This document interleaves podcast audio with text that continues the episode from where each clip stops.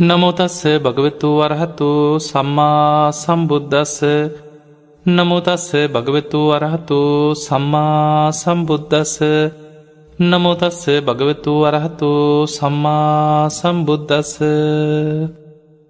හැම දෙනාටම තෙරුවන් සරණ ප්‍රාර්ථනා කරමින් අදත් ඔබ හැම දෙනෙක්ම උතුම් ධර්ම දේශනාව ශ්‍රවණය කරන්න.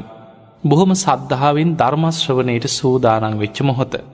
පිංහතුනී ධර්මාවබෝධය කරායන සංසාර ගමනේ. ධර්මාවබෝධයට යොමුවෙච්ච සංසාර පුරුද්ධ කියන එක අපිය නිවන කරාරගෙන යන දෙයක්. අපි ඒවට කියන පාරමිතා කියලා. මේ පාරමී ධර්ම අපි උපවපන් ආත්ම භාවල අපේ විඤ්ඥානයත් එක්ක අපිය ධර්මාවබෝධය කරා යන ගමනේ අපිය සුගති සහිත මාර්ගයකින් නිවනට අරගෙන යනවා. එක මේ වගේ. දැන් අපි ගත්තොත්. බුද්ධත්වයට පත්වෙන්න පාරමී පුරණ බෝසතාණන් වහන්සේලා ප්‍රඥාධික බුදුවරු සද්ධාධික බුදුවරු වීරි අධික බුදුවරු හැටියට පාරමීපුරණ කාලය මත කොටස් තුනකට ධර්මී බෙදලා තියෙනවා. ඔබත් මමත් සරණගි අපේ ගෞතම බුදුරජාණන් වහන්සේ ප්‍රඥාධික බුදුරජාණන් වහන්සේ නම. උන්වහන්සේ සාරා සංකේය කල්ප ලක්ෂයක් දසපාරමී ධර්ම සම්පූර්ණ කරනවා. බුද්ධත්වයට පත්වෙන කෙනෙක් නං පාරමී උපපාරමී පරමත්ත පාරමී හැටියට. තිස් ආකාරයකට දසපාරමී ධර්ම සම්පූර්ණ කරගත යුතුයි. දාන සීල නයිස්ක්‍රම්ය ප්‍රඥාවීරිය කන්ති සච්චාදිට්ඨාන මෛත්‍රී උපෙක්කා කියන මේ දසපාරමී ධර්මයන් පාරමී ධර්ම හැටියට පුරුදු කරනවා මට සම්මා සම්බුද්ධත්වය ලැබේවා කියන ප්‍රාර්ථනය තුළ පිහිටල. ඊළඟට තමන්ගේ ශරීර අවයාව ඇස්සිස් මස්ලේ පවා ශරීර කොටස් පවා දන්දිදී. උපපාරමිතාව පුරනවා මේ පිනෙන් මට ලෝතුරා සම්බුද්ධත්වයම ලැබේවා කියන ප්‍රාර්ථනය තුළ පිහිටල. ඊළඟට තමන්ගේ ජීවිතයේ පවා පූජා කර කර පරමත්ත පාරමිතාව පුරනවා. ලෝතුරා සම්බුද්ධත්තේ පිරිසම මගේ ජීවිතයේ පූජාවේවා කියෙන ප්‍රාර්ථනයෙන් පරමත්ත පාරමිතාව පුරනවා. මේ විදිහට පාරමී උපපාරමී පරමත්ත පාරමී හැටියට තිස් ආකාරයකට සම්පූර්ණ කරනවා ලෝතුරා සම්බුද්ධත්තේ පිණිස වීරිය වඩන මහා පින්වන්ත උත්තමයන් වහන්සේලා.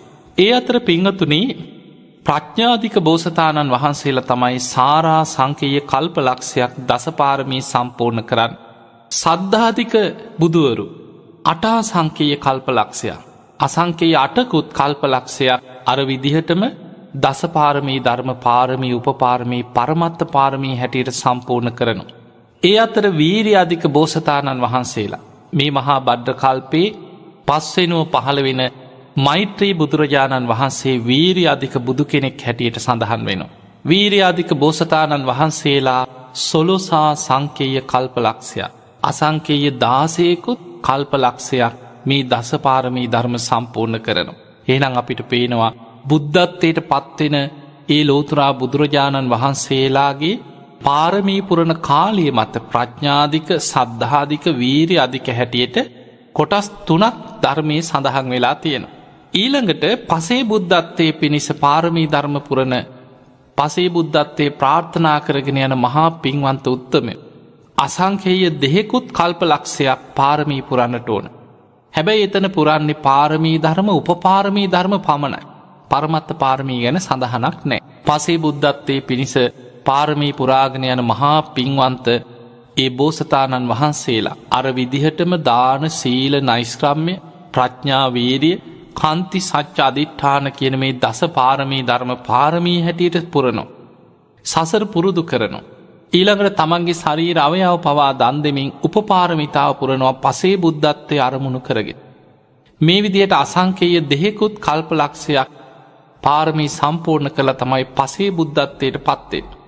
මේ සසර දුකින් මිදෙන මාර්ගයේ තුන්තරා බෝධිය හැටියට බුදු පසේ බුදු මහරහත් හැටියටයි ධර්මයේ බුදුරජාණන් වහන්සේ විස්තර කරලා පෙන්න්න.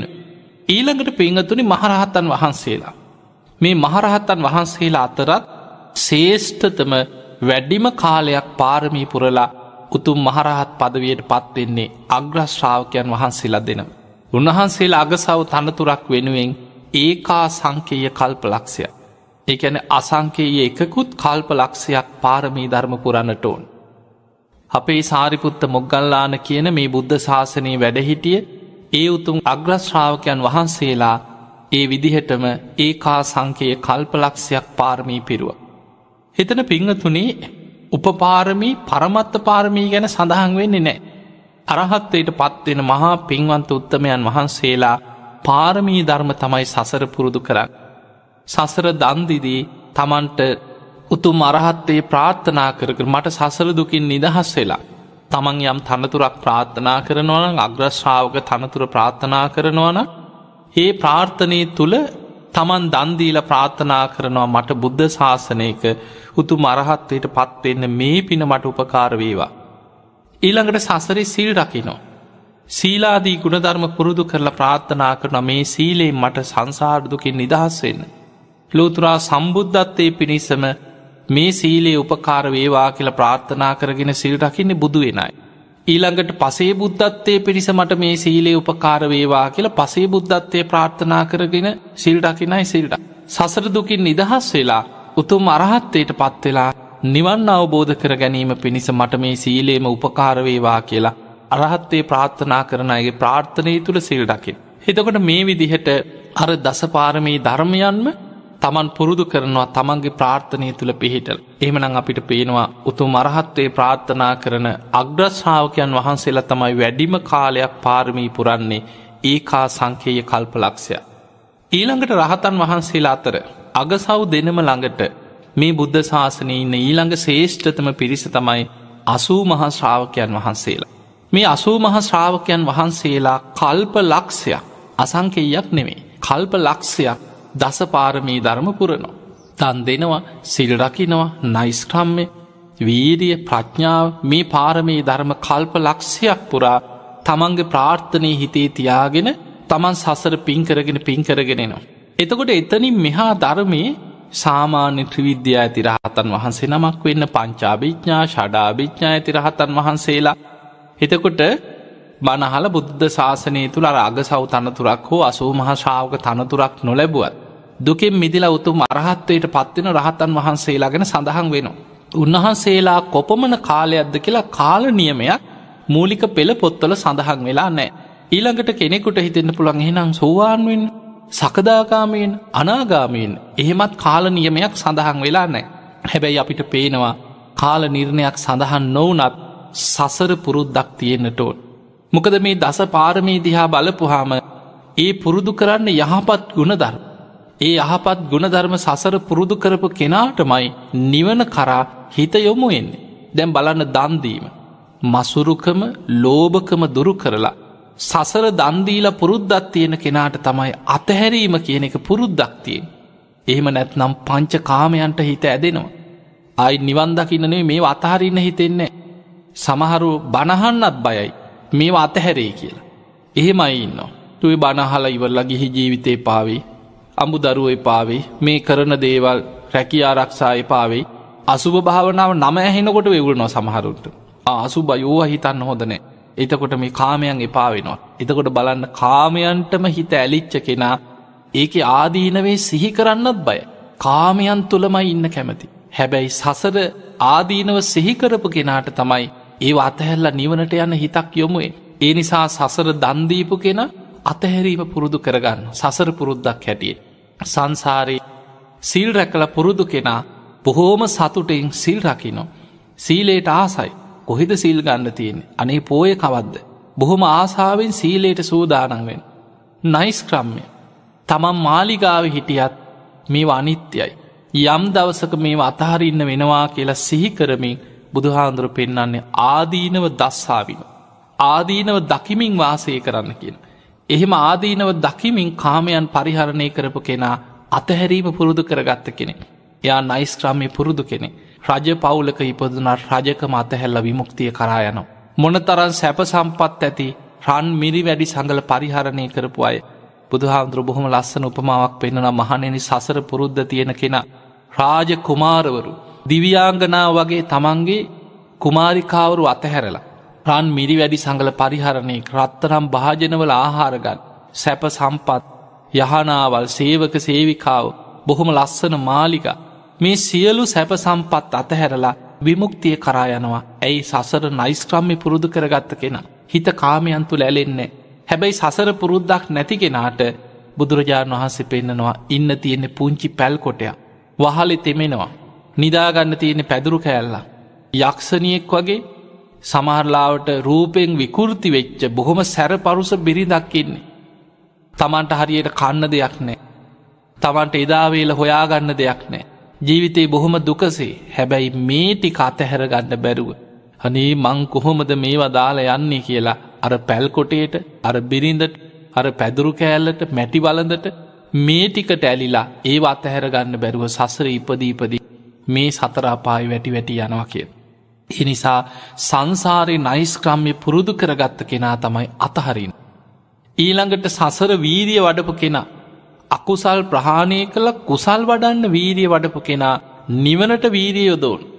දැන් අපිට පේනවා මේ සමාජය තුළ මිනිස්සු වීරිය පුද්දුම වීරියක් නිදි මරාගෙන සමහරු තාරකා ගැන හොයනවා.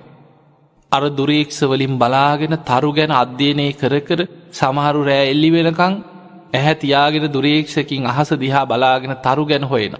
හැබැයි ඔවුන්ට පැයි භාගයක් භාවනා කරන්න හිතෙන්නේ. සමහරු අලුත් පර්ේෂණ කරන විද්‍යාගාරව තමන්ට ජීවිතයේ ඒකමයි පරීක්ෂණ කරනවා පරීක්ෂණ කරනවා විද්‍යාගාරවල නව සොයා ගැනීම් කරනවා. හැබැයි ඔවුන්ට තමන්ගේ ජීවිතය තුළින් තමන් අවබෝධ කරගන්න හිතියොමු එන්නේ. ඊළඟට සමහර රස්සාවල් වල සමහරුන්ට රස්සාාව කියන්න ජීවිතය වගේ. පුද්දුම විදිහට ජීවිතේ ඒ රැකියාවල් වල ඒ දෙනවා. ඊළඟට ඔබ බලන්න සමහරු ගින්නට පයිනෝ. තමන් එක්කො ගිනි නිවන හමුදාවල් වල ඉන්නයි. තමන්ගේ ජීවිතය එක්කො රැකියාවක් වෙනුවෙන් ගින්නට පනිනවා.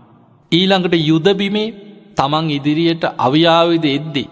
තමන් යුදබිමේ ඉදිරියට යනවා තමන්ගේ ජීවිතේ නැතිවුණත් කමක් නෑ කියල යුදබිම ඉදිරියට යන හැබැයි ජීවිත පරිත්‍යයාගෙන් භාවනාවක් කරන්න හිතෙන්නේ ඔවුන්ට පංච කාමයන් වෙනුවෙන් ජීවිතය කැප කරාට ඒ වීරිය භාවනාවට යොමු එන්න නං සංසාරය සතර සම්යක් ප්‍රධාන වීරිය වඩලා.